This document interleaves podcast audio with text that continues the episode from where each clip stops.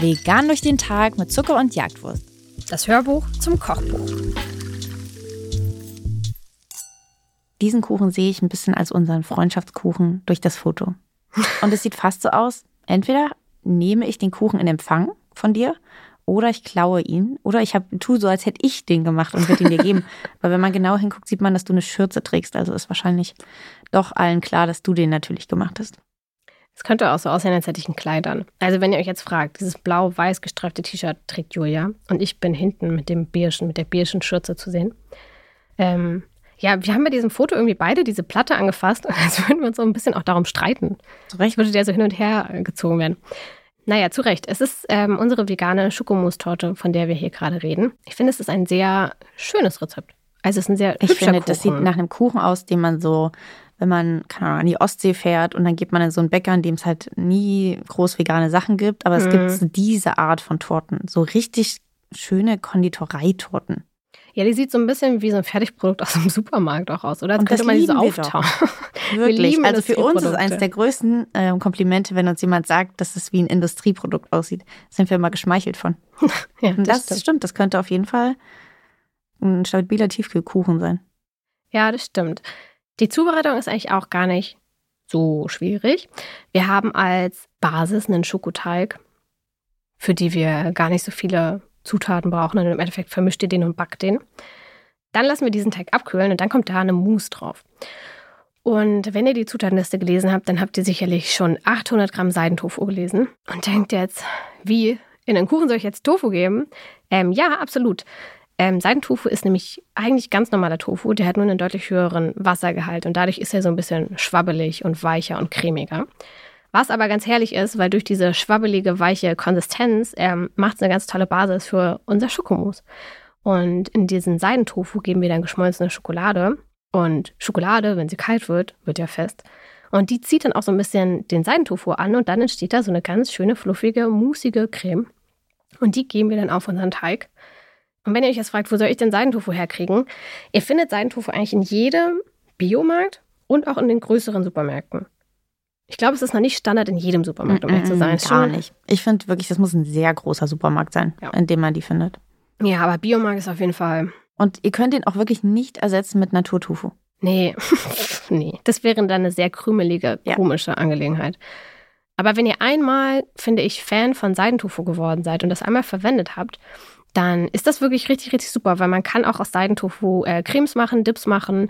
Also es ist eine super gute, neutrale Basis, um irgendwas reinzupürieren, was Geschmack hat, ähm, weil es so eine ganz schöne, cremige Der hält Konsistenz sich ja auch bringt. ewig. Also wirklich, Mhm. jetzt, wir empfehlen euch in so vielen äh, Rezepten wirklich einfach mal in Asia-Supermärkte zu gehen, Hm, um stimmt, dort ja. einzukaufen. Ähm, auch wenn ihr für andere Rezepte in diesem Blog und äh, in dem Kochbuch Tapioca-Stärke braucht, wenn ihr Sojasauce generell braucht. Veganes Kimchi gibt es dort übrigens auch. Also ich komme schon wieder viel zu sehr ins Herzhafte, aber da ein- einfach generell einfach mal so einmal im Monat in den Asia-Supermarkt zu gehen, gebackenen Tofu zu kaufen und eben auch ganz viel Seidentofu, ist immer eine gute Idee. Also ich glaube, einmal im Monat gehe ich das safe hin und mache einfach einen Großeinkauf. Da gibt es auch so viele tolle, ähm, so richtig große ähm, Kräuterbunde für Thai-Basilikum und so. Also es gibt auch noch mal ganz viel anderes Obst und Gemüse, auch in anderen Mengen, als ihr die sonst vielleicht im üblichen Supermarkt findet.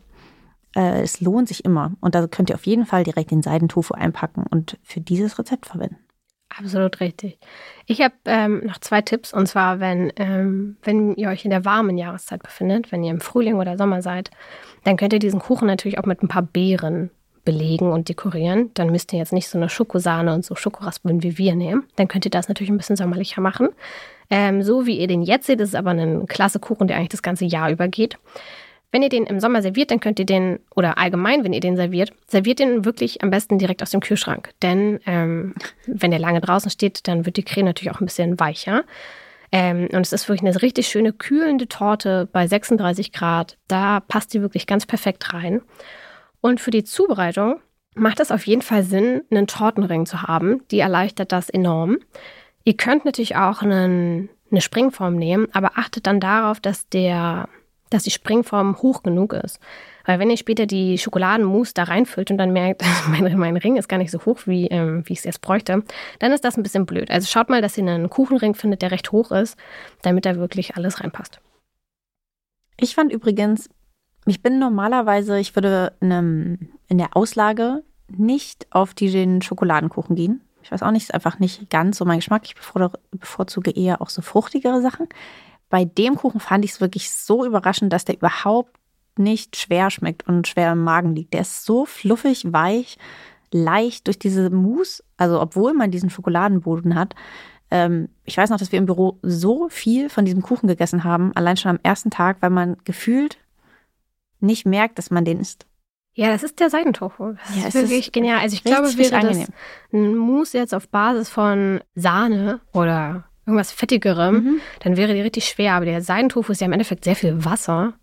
Ähm, und deswegen wird die ganz, ganz klasse weich. Ich habe noch eine letzte Frage für ähm, die Menschen da draußen, die sich das vielleicht auch gefragt haben. Und zwar benutzt du für den Schokoladenteig sowohl Backpulver als auch zwei Gramm Natron. Wenn jetzt Menschen denken, zwei Gramm, ein halber Teelöffel, was kann das ausmachen?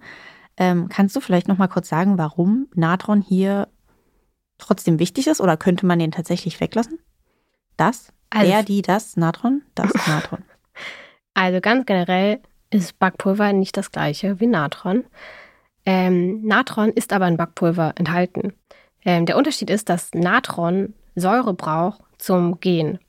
Backpulver hingegen hat diese Säure schon mit in der Verpackung und auch ein Trennmittel, sodass Säure und Natron nicht direkt miteinander reagieren. Ähm, also im Endeffekt ist, glaube ich, keine Ahnung, 80 Prozent vom Backpulver ist eh schon Natron. Ähm, also im Endeffekt ist das ein sehr ähnliches Produkt. Ihr könnt diese zwei Gramm Natron also auch weglassen. Ich habe aber ein bisschen manchmal das Gefühl, dass wenn man so eine Prise Natron mit reingibt, dass dann so ein Kuchen besser aufgeht. Also gerade so ein Biskuitteig oder ein Rührteig oder so. Manchmal habe ich das Gefühl, dass es dann fluffiger und schöner wird. Also ne, man weiß ja auch, wenn man Natron zum Beispiel mit Zitronensaft mischt, wie sehr das rumbraust und mhm. blubbert und alles. Ähm, und wir haben ja hier zum Beispiel das Apfelmus drin, ne, was eine Säure mitbringt. Und durch das Backpulver ist die Säure ja eh schon im Teig. Deswegen habe ich manchmal das Gefühl, so eine Prise macht es irgendwie ein bisschen lockerer. Aber wenn ihr kein Natron habt, dann könnt ihr das natürlich auch weglassen. Das ist absolut kein Problem. Aber im Endeffekt machen Backpulver und Natron genau das Gleiche. Nur wenn ihr Natron in Rezepten benutzt, dann müsst ihr halt schauen, dass eine Säure im Kuchen ist. Also wenn ihr keine Säure in eurem Teig oder wo auch immer drin habt, dann wird das Natron auch nicht aufgehen. Und diesen Vorteil hat halt das Backpulver. Vielen Dank dafür. Haben wir doch was gelernt. Sehr gerne. Und dann wünschen wir euch ganz viel Spaß mit dieser Schokomus-Torte. Ähm, lasst sie glänzen auf eurem Kuchenbuffet.